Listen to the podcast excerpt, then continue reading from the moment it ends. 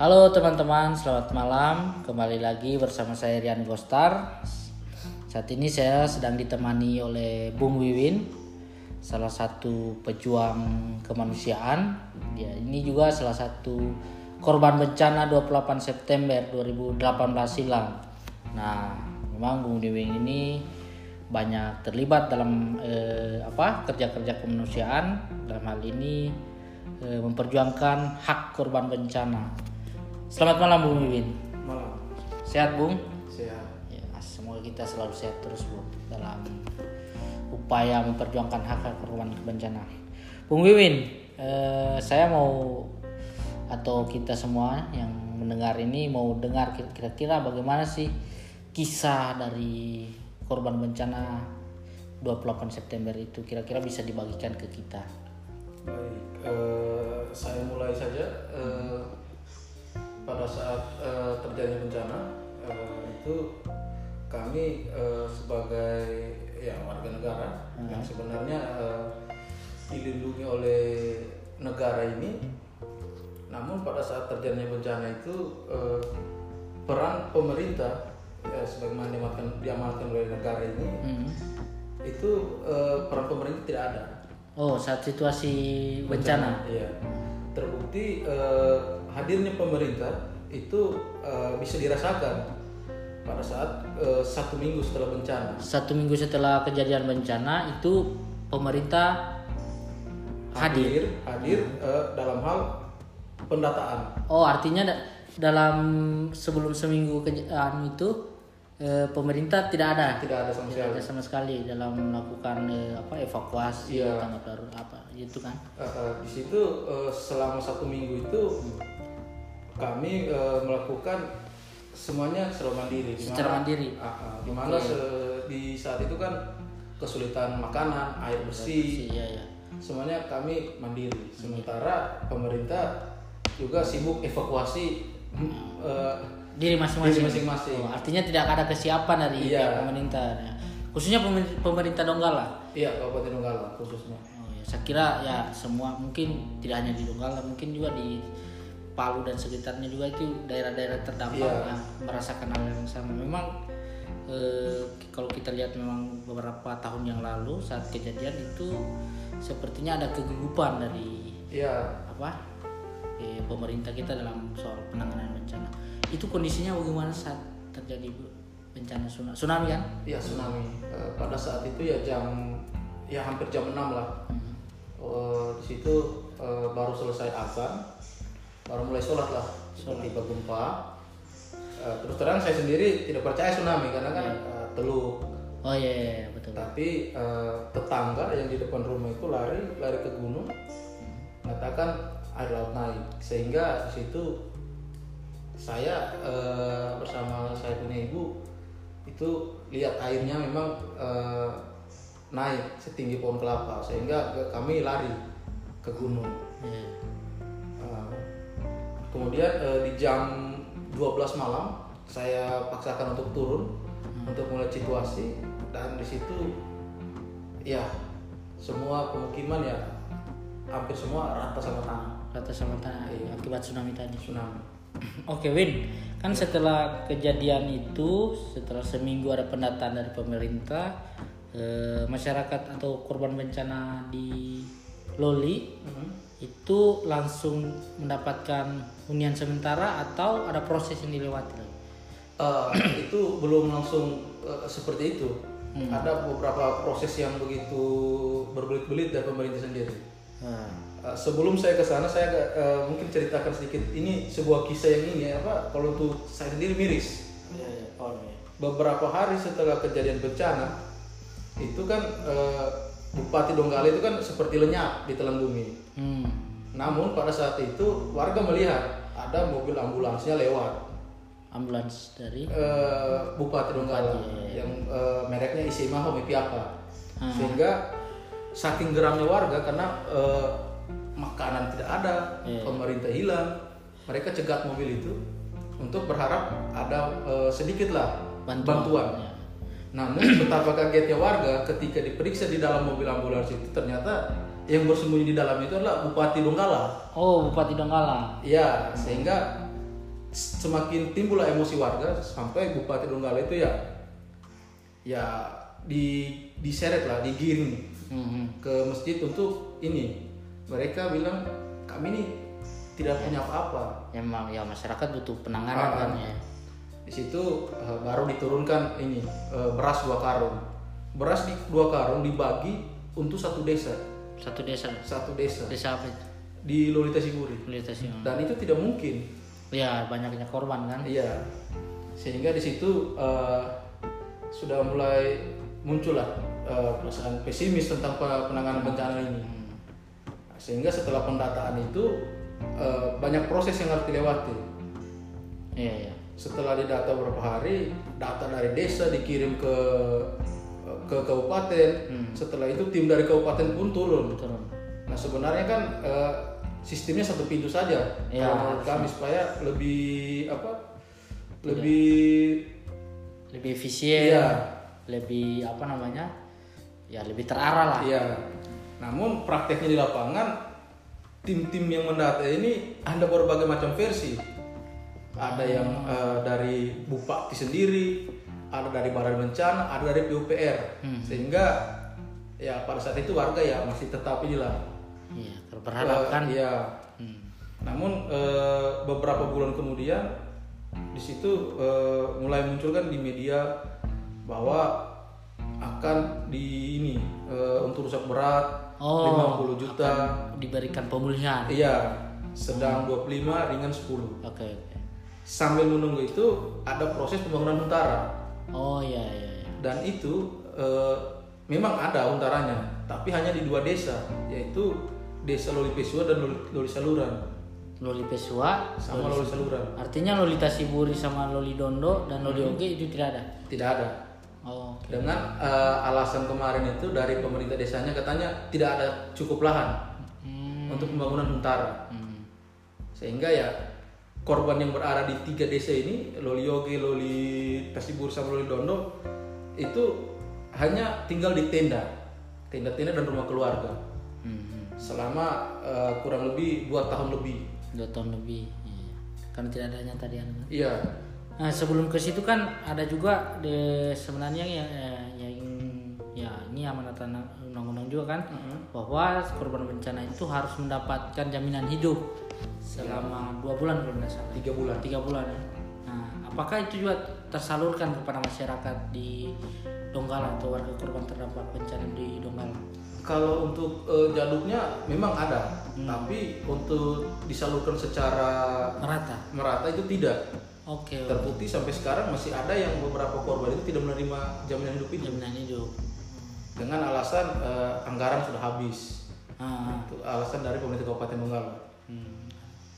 Artinya memang eh, ini proses dari proses pendataannya Mhm. sehingga menyebabkan atau memang ada permainan dalam hal apa penyaluran pemulihan eh, warga terdampak bencana kira-kira begitu ya kalau saya melihatnya iya bisa jadi Hmm, kita ini ini kita menaruh kecurigaan Iya. sebenarnya. Nah, Win, saat itu eh, memang kelihat eh, upaya pemerintah dalam melakukan penataan dan lain-lain sebagainya itu respon masyarakat seperti apa? Eh, di awal-awal itu masyarakat ya ya bahasa ininya ya antusias ya Hmm. karena eh, mereka memang korban terdampak Iya. sehingga mereka ya data dengan harapan cepat direalisasikan Oke. karena pada saat itu presiden juga kan datang ke Loli Salu Loli Pesua Oh iya ya. dan langsung bertemu eh, sama warga mengatakan ibu rumahnya rusak apa rusak berat nanti 50 juta 10 dan 25 untuk ringan dan sedang Nah, itu kan ya kita tahu warga antusias. Tapi pada kenyataannya sampai sekarang pun masih banyak warga-warga terdampak bencana ini yang belum mendapatkan haknya kan? iya Nah, dari proses itu eh, apa upaya dari pemerintah Kabupaten Donggala atau ya yang yang diketahui kan jelas seharusnya ada upaya untuk memberikan apa pemulihan secara merata dan adil dari dari penilaiannya Bung Wiwin. ya kalau untuk yang saya lihat sendiri upaya pemerintah Kabupaten Donggala saya rasa eh, jauh dari harapan Hmm. yaitu saya ambil contoh itu kan kalau menurut eh, pengetahuan orang awam Ya. ini kata-katanya presiden itu sudah pasti. Ya. Namun eh, pada prakteknya di lapangan itu eh, warga di ini disuruh memilih Hmm. bukan lagi seperti yang bilang presiden langsung 50 juta tapi ada sebuah skema yaitu skema dari pihak PUPR yang mana itu eh, pembangunan hunta hunian tetap Hunian tetap. dan itu eh, bersifat proyek Oke oke. di situ meskipun dia bukan rusak berat Ah. yang penting warganya mau bersedia akan direlokasi Oh aturannya harusnya Eh, harusnya kan sebenarnya yang berada di ZRB Ah, atau zona rawan bencana itu yang direlokasi dan rusak berat. ya ya. Sedang ringan itu masih bisa memperbaiki. Sebenarnya begitu. Artinya yang mendapatkan hunian tetap tadi Mhm. harusnya orang yang direlokasi dan rumahnya rusak berat. Iya. Nah, tapi kenyataannya Kenyataannya tidak karena eh, dari pihak pemerintah sendiri, dari pihak pemerintah kabupaten sampai pemerintah desa itu eh, memberikan informasi kepada korban bencana ini diiming-imingi. hmm, Jika kalian mengambil huntap, hmm. kalian akan punya dua aset, Oke. lokasi X bencana dan lokasi huntap. Ya ini yang baru kan ya. Iya. Ah, ya. Nah sementara kan kalau mengacu de- dengan Kementerian ATR BPN kan tidak Iya. bahwa lokasi yang X bencana akan dijadikan ruang terbuka hijau. Nah, artinya bukan milik warga lah. Iya. Eh, diambil alih oleh negara. Artinya eh, kalau saya menilai bahwa penanganan yang diberikan oleh pemerintah baik pemerintah desa maupun pemerintah kabupaten ini apa ya, tertutup dan tidak transparansi dia kepada Iya, tidak terbuka. Hmm. Nah, eh, kan presiden sudah bicara bahwa akan memberikan eh, pemulihan lewat dana langsung Iya, dana stimulan. dana stimulan sebagai upaya pemulihan tapi kenyataannya berjalannya waktu warga diarahkan untuk memilih hunian tetap nah, Dengan ini, Hunta pun bukan hanya di situ permasalahannya.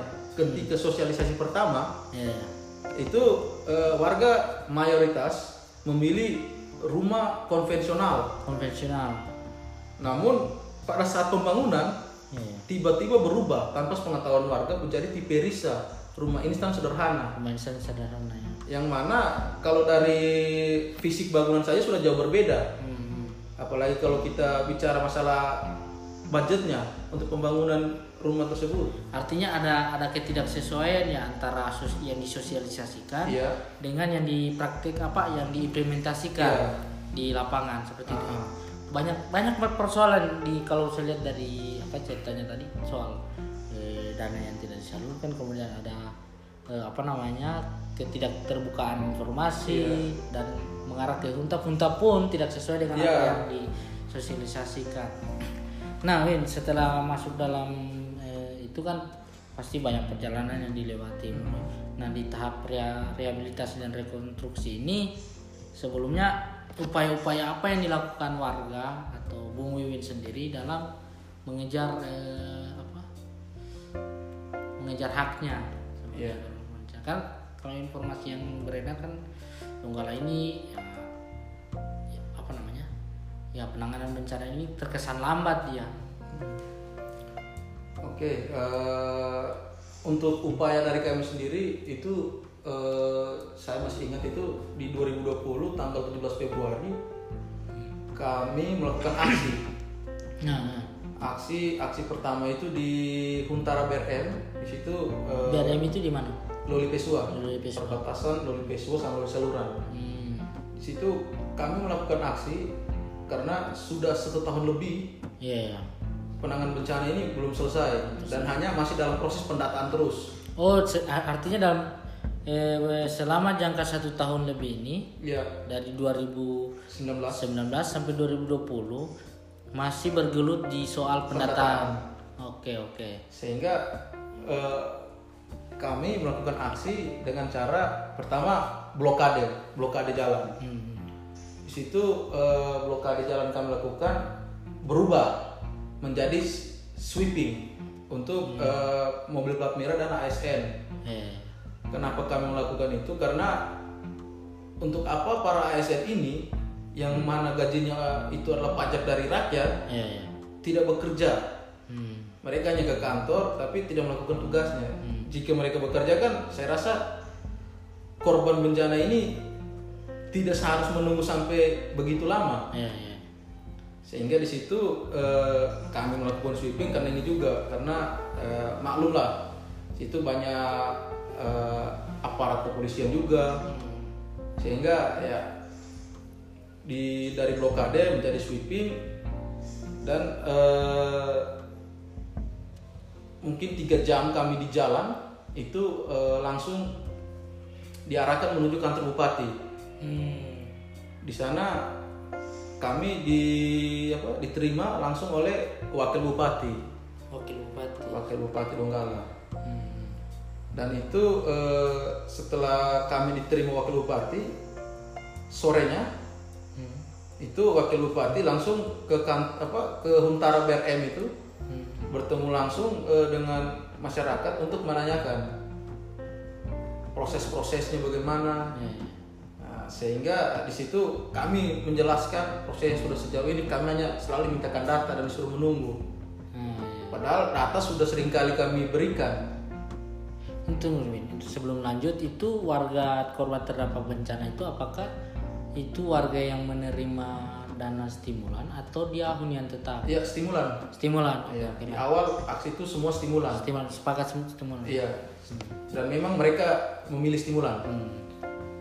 Sehingga setelah pertemuan dengan wakil bupati di Huntara itu hanya selang satu bulan di situ warga yang memilih stimulan di beberapa desa sudah buka rekening setelah aksi itu Iya.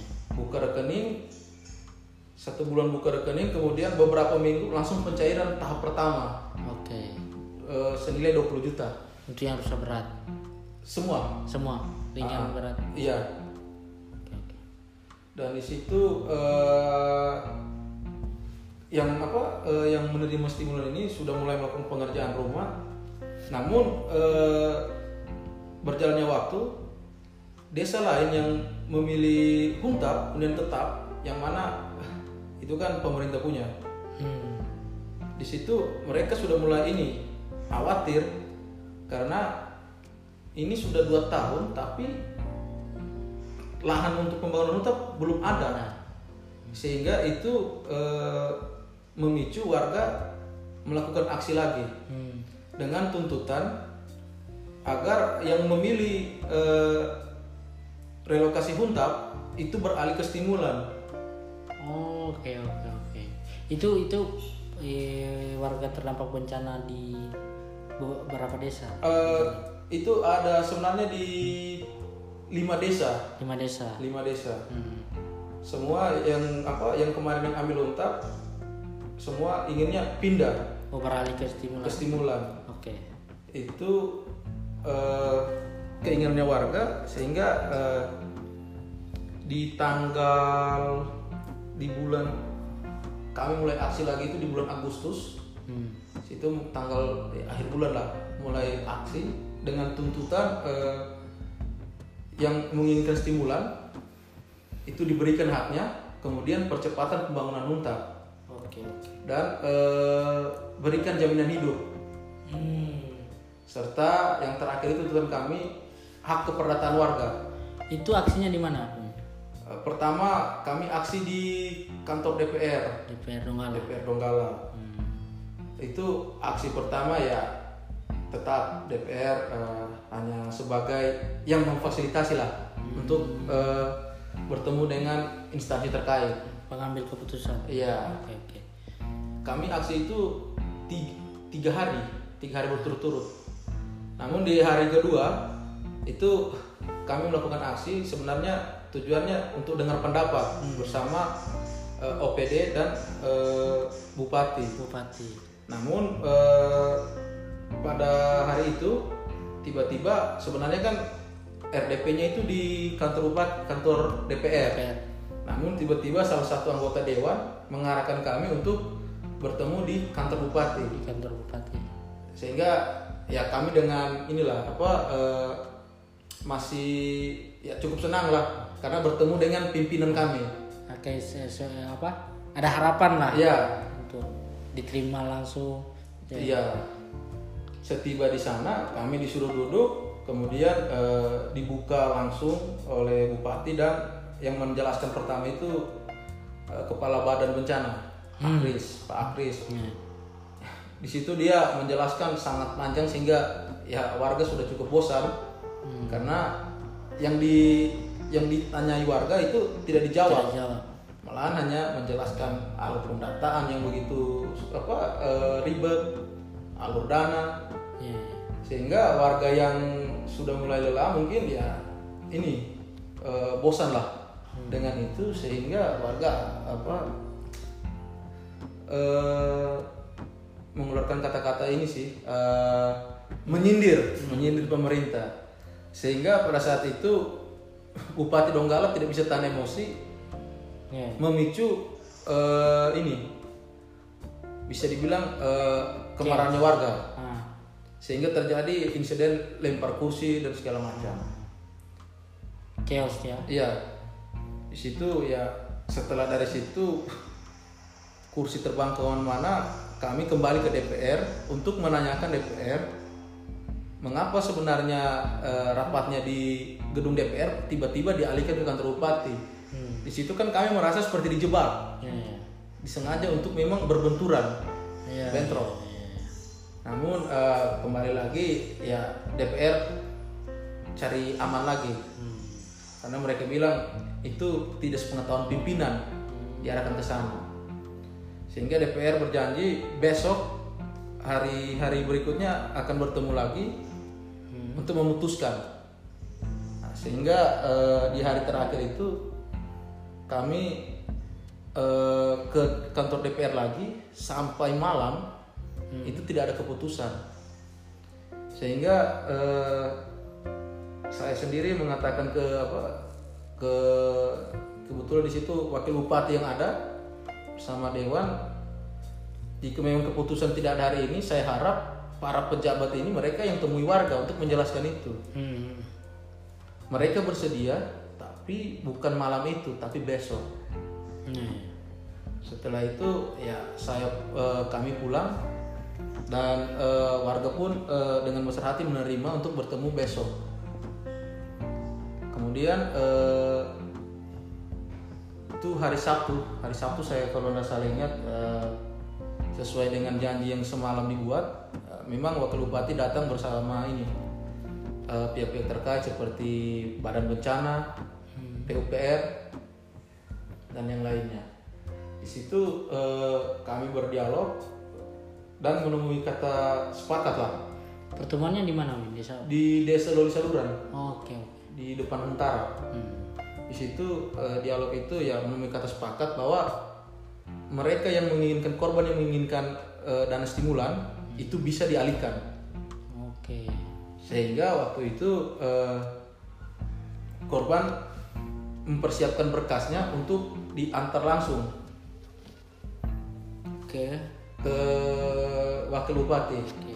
Setelah dialog itu selesai hari Senin itu eh, para perwakilan dari desa masing-masing eh, entah itu diwakili oleh eh, kepala desanya atau kepala desa bersama warga itu mengantarkan ke ke wakil bupati. Dan di situ eh, sudah di apa diterima langsung oleh wakil bupati. Namun dalam prosesnya kembali lagi lamban Oke. oke. sehingga eh, pas bulan Oktober itu kami melakukan aksi aksi ini bersama teman-teman yang di Donggala Kota Donggala Kota. Oh, kawan-kawan yang di eh, utara Gunung Bale. Gunung Balai Iya. Kami bersatu dengan tuntutan yang eh, ya saya rasa sama semua Hmm. tentang kebencanaan ini haknya kita kan belum dipenuhi Hmm. Di situ kami lakukan aksi di kantor DPR. Di situ eh, yang membuat warga sebenarnya marah itu perkataannya Ibu Happy sebagai kepala dinas Perkintan. Oke, oke. Di situ dia mengatakan data yang kemarin dibawa oleh warga itu diterima namun pemerintah desa yaitu kepala desa membatalkan itu Hmm. dari yang ke kestimulan itu dibatalkan ke untuk semua lagi Eh, alasannya? karena permintaan kepala desa Oh, pemerintah desa yang Iya, memutuskan. memutuskan Hmm. sehingga di situ eh, emosinya warga mulai lagi sehingga kami bergerak pulang dan melakukan blokade jalan di Loli Saluran.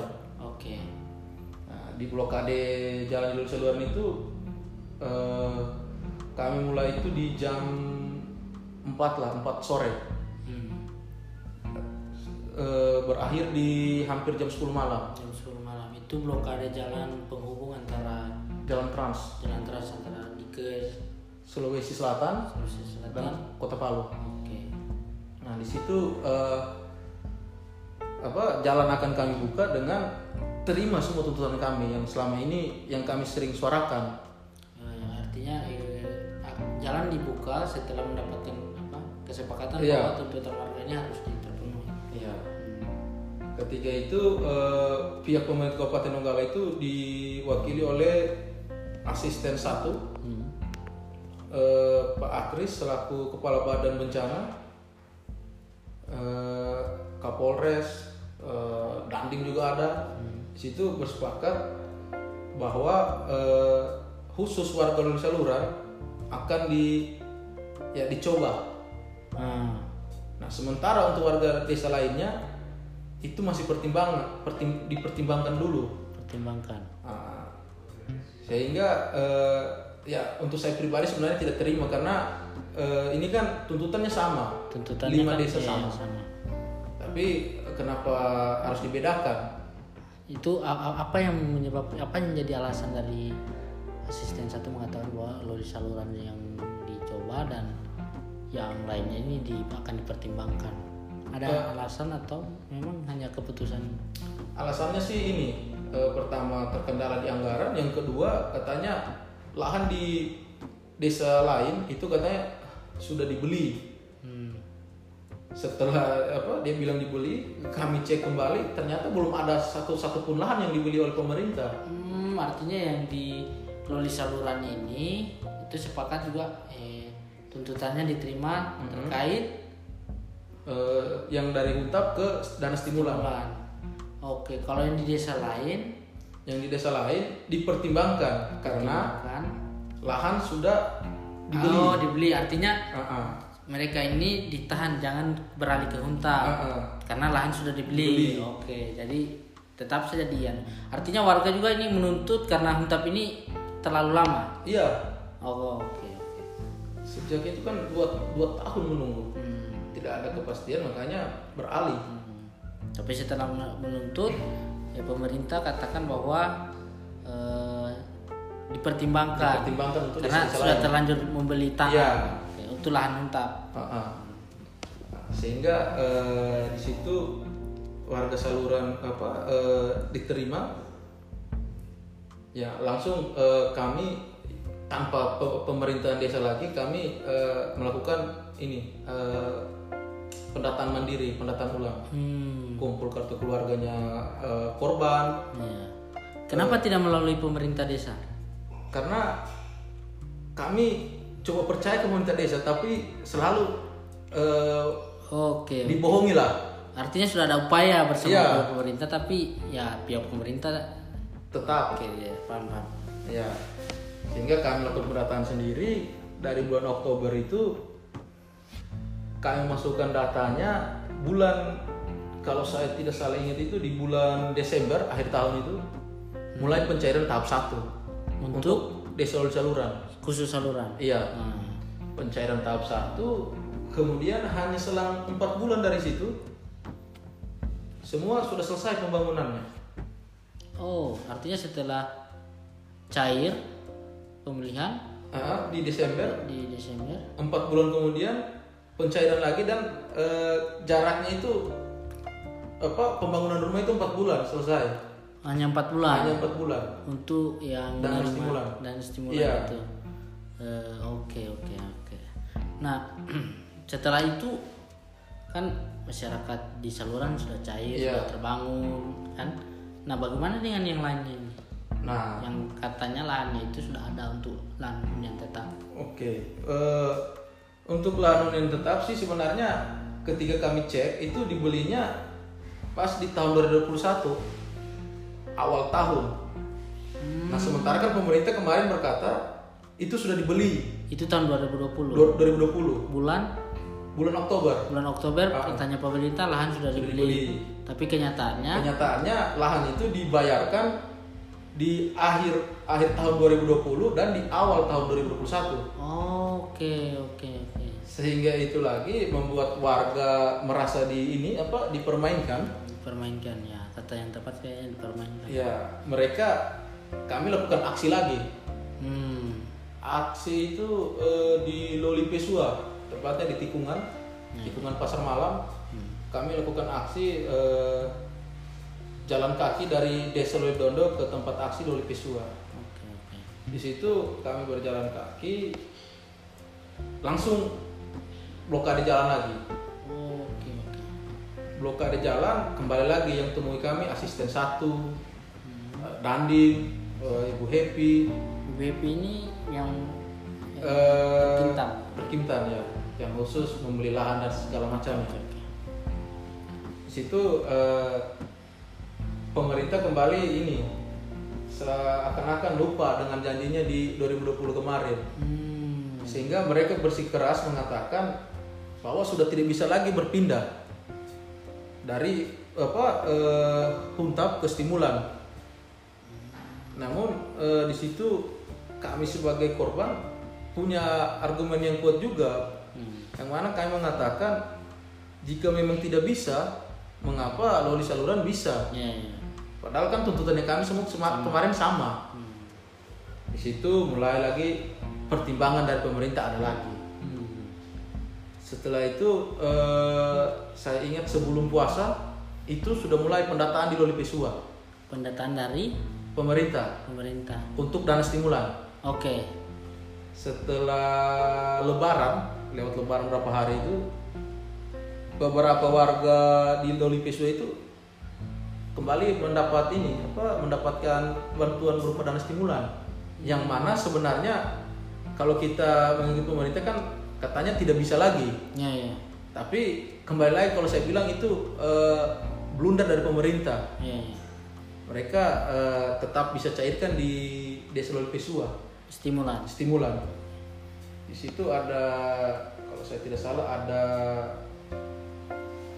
ya hampir 20 kepala keluarga yang menerima bantuan stimulan. Oke. Nah, di situ eh, kembali lagi di desa lain Hmm. merasa ini apa eh, agak cemburu lah Ya, ya. dengan eh, teman-teman mereka di desa lain itu sudah cair semua mereka merasa Itu cairnya di tahun 2021. 2021 Oke. eh, lebaran kemarin. Hmm. situ eh, teman-teman yang desa lain ini eh, merasa itu tadi ya cemburu. Kenapa di sana bisa di mereka tidak bisa? Sehingga eh, kami kembali berdiskusi bersama korban. Di situ eh, kami memutuskan ini. Ketika pelantikan gubernur baru Oke. di situ kami melakukan aksi yaitu jalan kaki Hmm. dari desa Loli ke kantor gubernur Nah, itu berapa 20 kilo jaraknya itu? 20 kilo lebih 20 kilo itu jalan kaki jalan kaki ke kantor kantor gubernur. gubernur Hmm.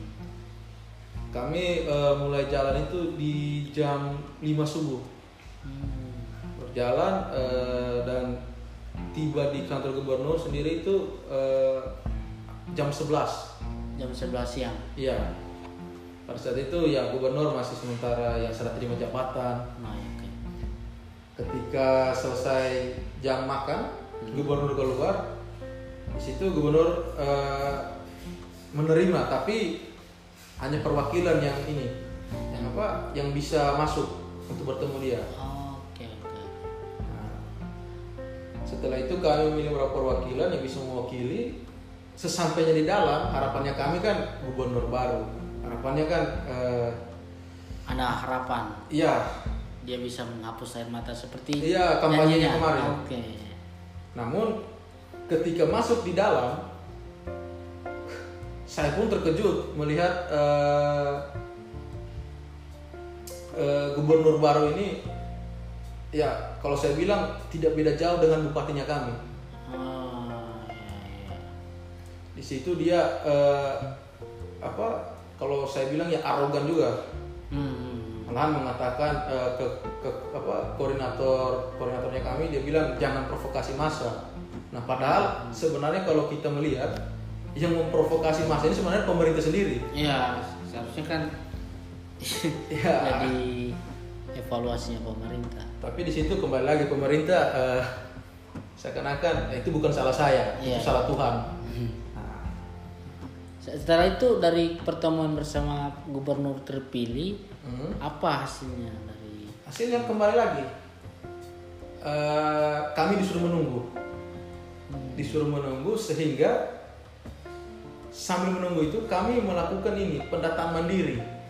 Hmm. yang mana di pendataan mandiri itu kami menemukan di lapangan ada sekitar 200 200-an kepala keluarga itu yang memang korban bencana dan layak mendapatkan bantuan itu sama sekali tidak terdata oleh pemerintah. itu yang masuk dalam kategori rusak ringan dan sedang dan berat. Iya, Itu yang tidak sama sekali tidak ada di tidak terdata. pemerintah. Artinya selama beberapa tahun terakhir dia datanya tidak tidak dapat pemulihan dari pemerintah. Iya, Oke oke. ketika kami menanyakan ke pemilik rumah Hmm. itu mereka bilang kemarin ada tim yang datang tapi tim yang mendata ini mengatakan bahwa kerusakan rumah mereka tidak mencukupi 30% 30 persen. menurut ini apa eh, peraturan PUPR Oh kalau artinya yang 30 persen ini kerusakannya. iya Oke oke. Artinya kalau tidak mencapai itu tidak masuk ke tidak masuk. kriteria Oke oke. Tapi kenyataannya kenyataannya kalau dia baca saya rasa kalau dia baca tuntas eh, peraturan Kementerian PUPR bukan hanya 30% tapi 11% sampai 30% itu rusak ringan. Oke oke oke. 31% sampai 50% sedang. 50 persen ke atas berat.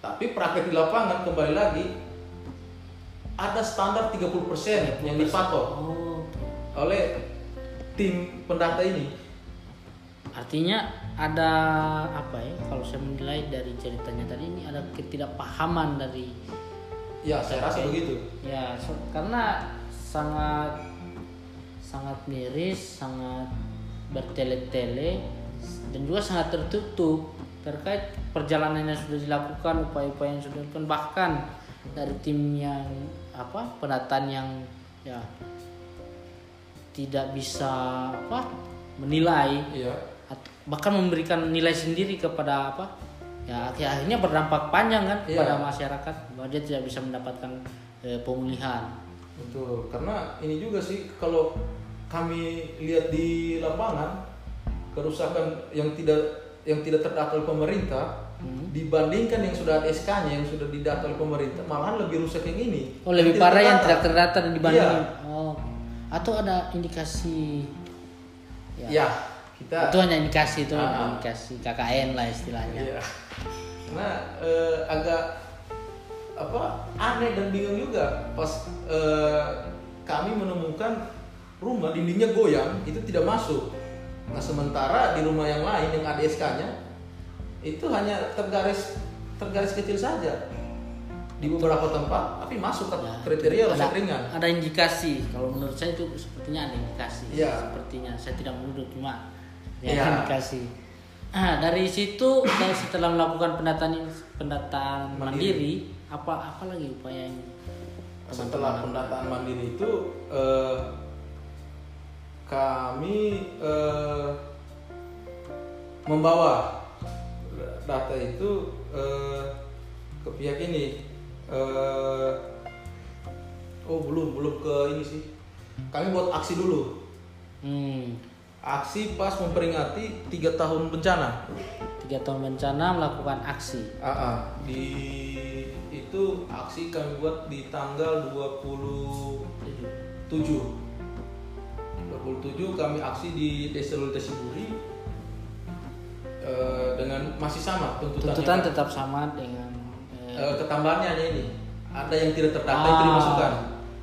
tuntutan tambahan untuk saudara-saudara penyintas yang Ah. tidak terdata dan tidak masuk dalam SK Bupati. Iya. Akhirnya melakukan aksi, Aksi. untuk memperingati tiga tahun bencana. Oke.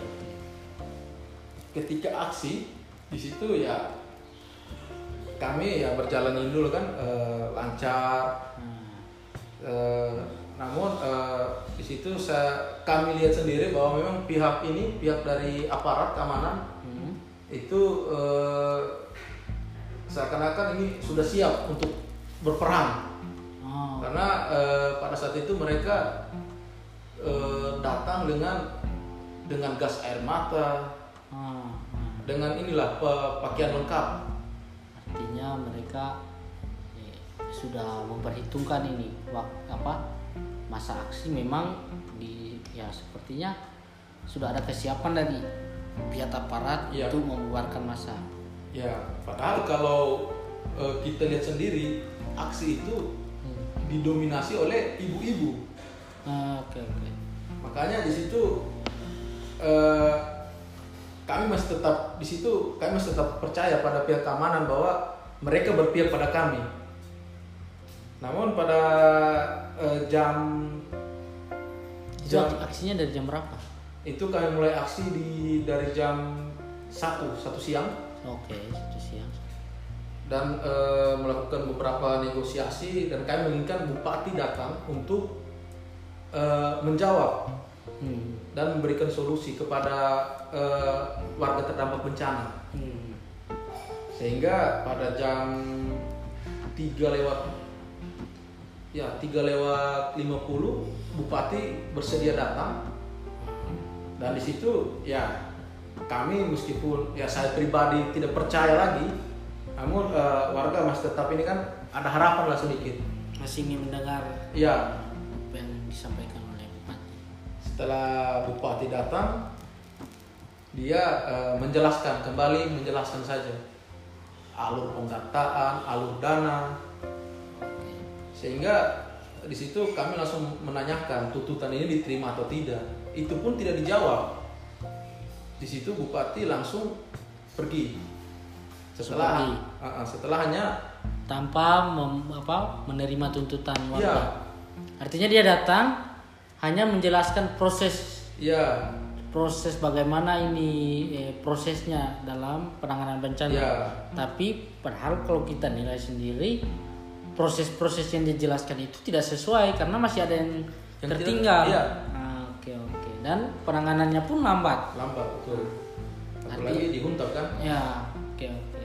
Nah setelah dia pergi tuh apa yang terjadi? Setelah dia pergi, kan kami sudah bersepakat bahwa jika tidak ada solusi hari itu, maka kami tidak akan eh, bubar Oke oke. dan akan terus memblokade jalan.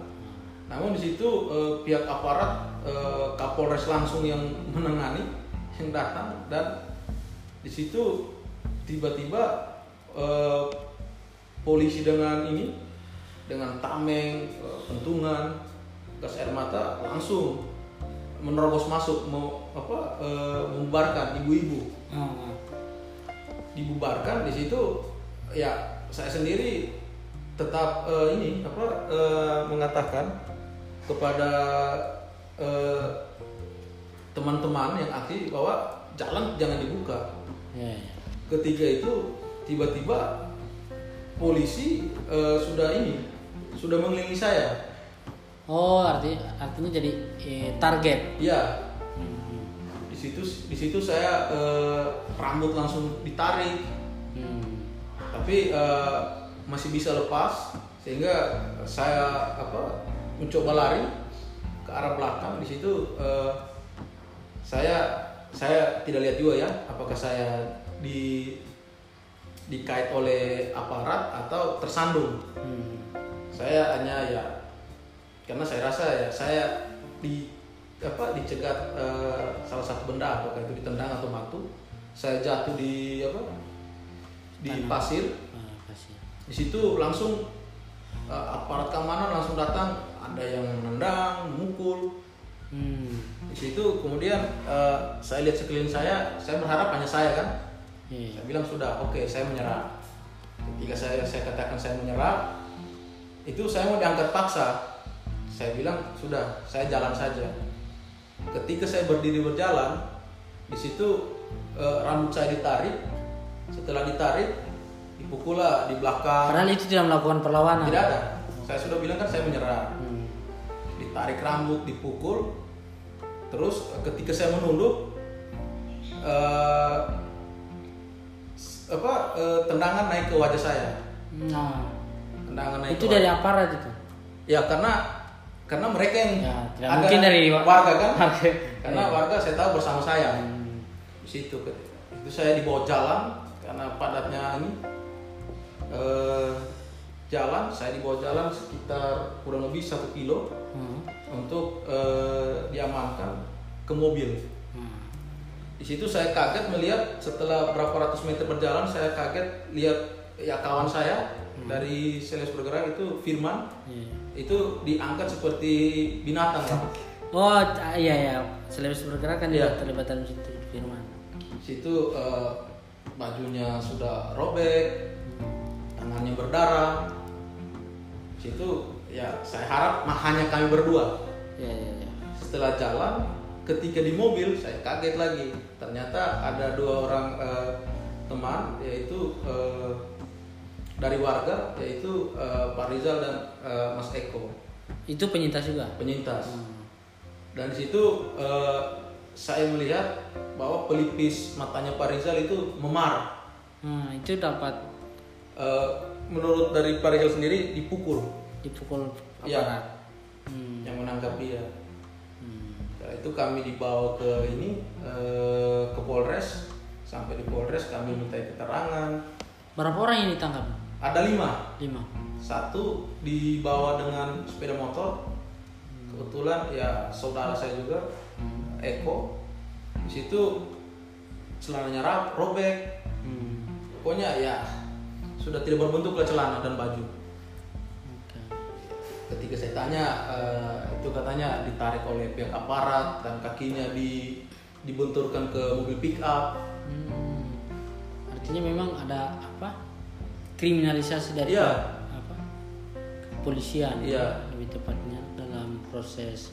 Seharusnya kan mereka yang harusnya dalam menertibkan apa kan bukan Iya. dengan Kekerasan. pendekatan yang ya seperti ya, ya, kejadian yang dialami oleh teman-teman. Ya, Nah setelah sampai di Polres apa yang dilakukan? kami apa eh, diminta keterangan dan ini eh, saya saya anggap ya ya apa di situ ada beberapa teman yang ini dibacakan pelanggaran ini akan dipidana 9 tahun lah. Hmm.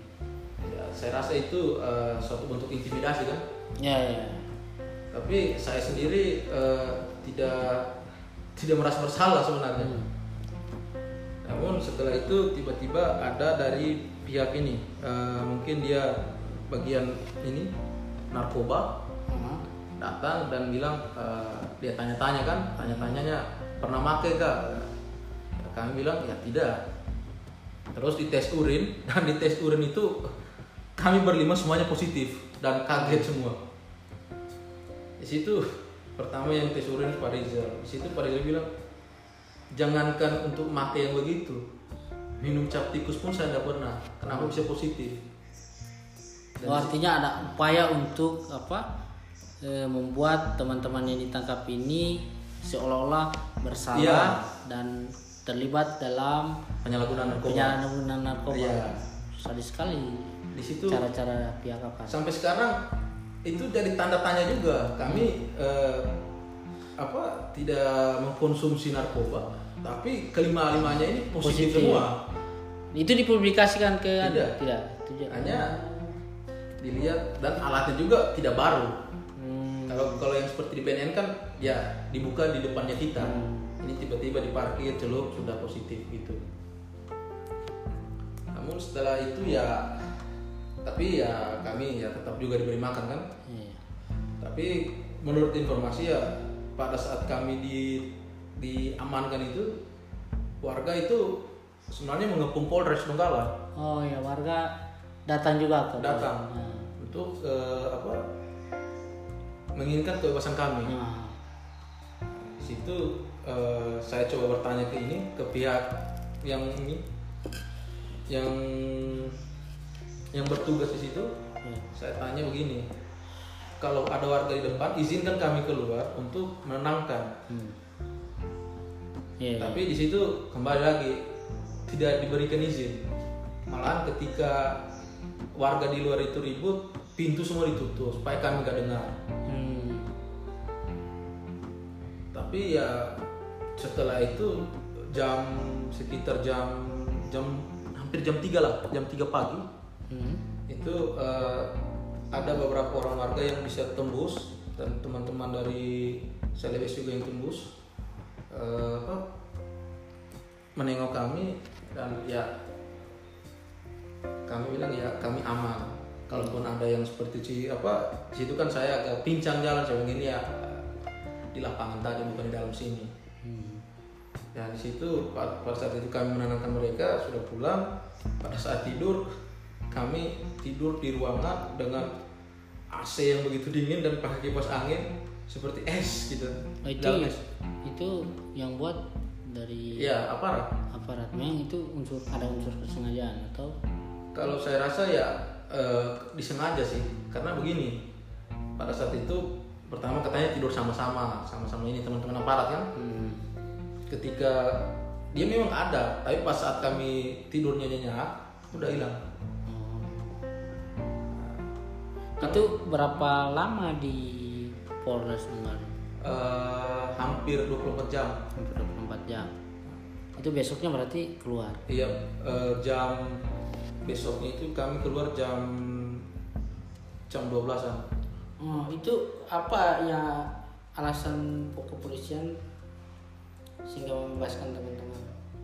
Eh, saya ini ya, saya tidak tahu alasan teman-teman kepolisian membebaskan karena apa? Apakah desakan eh, teman-teman yang berada di luar Hmm. atau karena memang eh, Tidak ada kesalahan. iya, tapi di situ ya kami dibuatkan pernyataan Hmm. Pernyataan soal eh, tidak melakukan aksi itu lagi aksi blokade jalan. blokade jalan. Hmm. Ya, Kalau mis dalam surat pernyataan itu jika terbukti melakukan aksi akan ditangkap lagi. iya diproses kan. Tapi kalau kita itu salah satu apa hak warga negara Iya. untuk menyampaikan aspirasi. Nah, undang-undang Iya. juga apa Melindungi itu. melindungi itu dan memerintahkan untuk itu. Iya. Cuman ha- alasan mereka ya silakan kalian aksi demo tapi jalan umum jangan diganggu. Kalau yang diganggu. Ah. Tapi di situ seandainya kami tahu bahwa desakan Masa eh, teman-teman di luar ini begitu besar juga, Hmm. terus terang kami tidak akan tangan itu Oke. pernyataan itu. Itu karena tidak ada anu ya sudah. Iya, karena semua eh, HP HP-nya kami kan diamankan semua. Hmm, oke. Setelah dari itu In, apa lagi? Eh, Setelah kami apa be- bebas, hmm. di situ eh, kami dapat info bahwa pihak dari gubernur bersedia menerima Hmm. menerima eh, perwakilan dari warga untuk eh, ini apa eh, Dengan pendapat. ya berdialog lah Dialog. tentang masalah-masalah Hmm. sehingga di situ eh, yang yang pergi ada beberapa orang saya kebetulan tidak ikut cuman saya dapat informasi eh, pihak pihak dari kantor gubernur yang apa diwakili Rida Saleh Hmm. itu eh, mengatakan akan menyelesaikan masalah yang ada di Loli Oh, Oke. sehingga eh, pihak gubernur itu memintakan data-data yang ada pada kami Hmm. sehingga di saya lupa tanggal berapa eh, hanya kemungkinan hanya selang dua mingguan Hmm. kami eh, antarkan data tersebut langsung kepada Rida Saleh.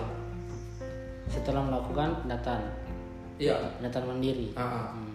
data yang kemarin itu eh, totalnya 205 kepala keluarga. 225 keluarga 205. itu 205 keluarga itu Hmm. diantarkan ke pihak gubernur dan sesuai dengan eh, pernyataan pihak gubernur bahwa akan menyelesaikan. Menyelesaikan. Oke. Terus? diselesaikan. sehingga ya informasi itu saya eh, sampaikan ke ke warga Mhm. Warga ya ya rasa bersyukur tetap ada Ya. Ada harapan ada kan? harapan lagi yang di yang dibuat oleh pemerintah Hmm, Pemerintah provinsi. iya Oke. sehingga eh, dalam selang berapa hari setelah pengantaran data itu kalau saya tidak salah itu satu bulan Mhm. kami coba menanyakan langsung ke gubernurnya Iya. namun pada saat itu eh, gubernur eh, sedang ada ini kunjungan ke Jakarta mungkin Hmm. jadi yang menerima kami wakil gubernur Wakil gubernurnya. wakil gubernur menerima kami dia terima dengan baik namun alas apa eh,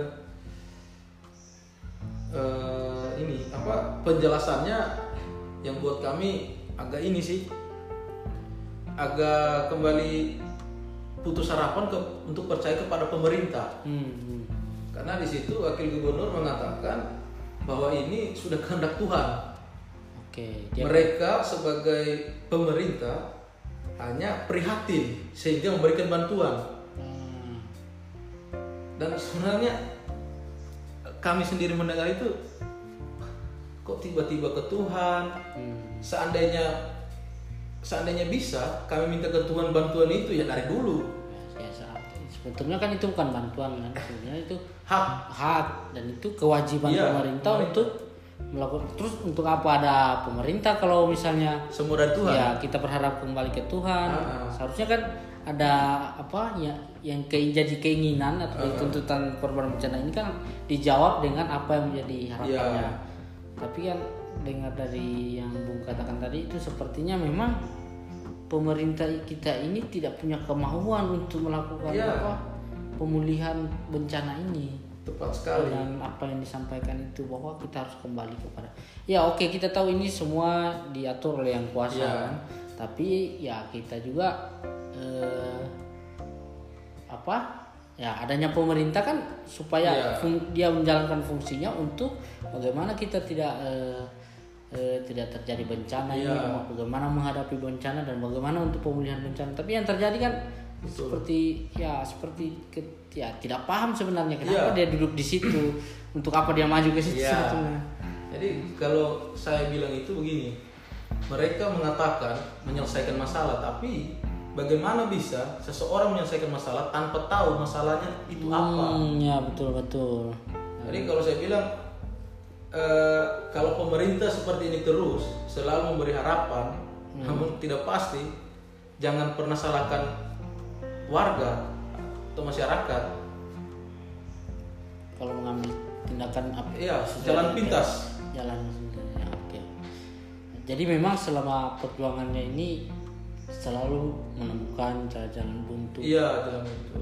meskipun ada beberapa lah yang terlihat kan Iya. tapi dalam kenyataan yang lebih menyedihkan ini kan masih banyak warga yang tertinggal warga tertinggal ini belum mendapatkan apa yang menjadi haknya. Dan negara pun seolah apa tidak tidak memperdulikan itu. Iya. seolah-olah ini sudah sudah nasib korban-korban bencana Betul sehingga harus dikembalikan lagi kepada yang maha kuasa. Se- se- s- Bung Wiwin ini sejak kapan mulai terlibat dalam kan kalau kalau kita tahu Bung Wiwin ini sudah mendapatkan haknya Iya. sudah mendapatkan haknya apa sih yang memotivasinya untuk terus melihat saudara-saudaranya ini berjuang bersama saudara-saudara kita korban bencana Sebenarnya sih eh, kenapa saya masih tetap seperti hari ini? Mm-mm. Saya itu eh, mengalami langsung kejadian itu. Ya. Di situ apa namanya? Di mana saya pada saat bencana itu ada di pengungsian bersama mereka. Hmm, merasakan Iya. Tapi ketika saya menerima bantuan tapi saya tidak bersama mereka lagi, betapa eh, apa ya berdosanya saya, ya, betapa kurang ajarnya saya sebagai manusia. ya. Kalau tidak ikut memperjuangkan Iya, karena kita ini bukan hanya dikatakan satu rasa, bukan hanya melalui ucapan, Hmm. Tapi harus dengan tindakan. Iya.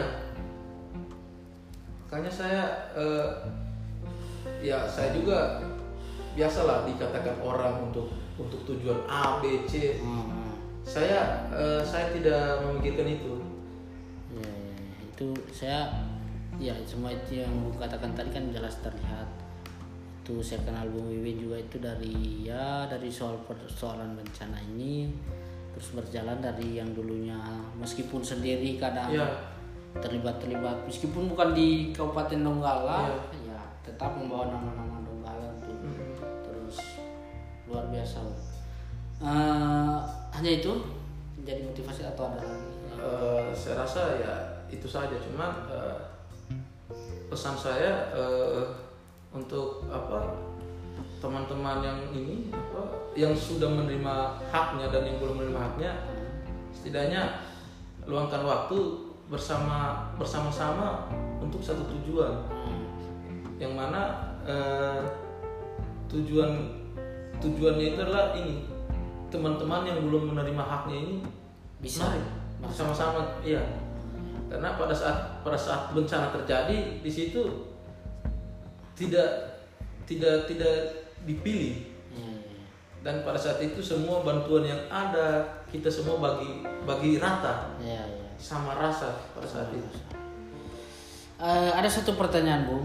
Ya. Ini mungkin eh, apa ya tidak bukan terkait permasalahan, tapi eh, apa sih atau apakah Bung pernah merasakan hal yang berkesan dalam selama perjalanan perjuangan hak hak penyintas? Kira-kira apa hal yang membuat Bung terkesan? ya yang buat saya terkesan pertama itu ya bahwa terus terang saya sendiri ketika ditanyakan bagaimana keadaan Donggala apakah sanggup untuk bersatu di situ di awal-awal saya mengatakan itu hal yang sulit tapi sekarang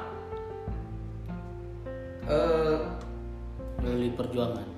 perjuangan ini Hmm, semua menyatukan. bersatu ada ada ada ada persatuan ketika Iya. eh, ada persoalan yang ini menjadi persoalan Iya. bersama masyarakat di Donggala menjadi bersatu itu men- menjadi hal yang Bung, iya. Bung merasa ber- berkesan sekali. Dan pastinya Bung tidak akan berhenti sampai di mana? Di sini akan tetap terus eh, berjuang Bung ya? Pasti. Sampai ya dan mencari keadilan dan iya. mencari ya. bukan hanya dalam konteks bencana. Oke Bung, terima kasih banyak Bung ya sudah berbagi pengalaman, kisahnya dan banyak pelajaran sih tentunya.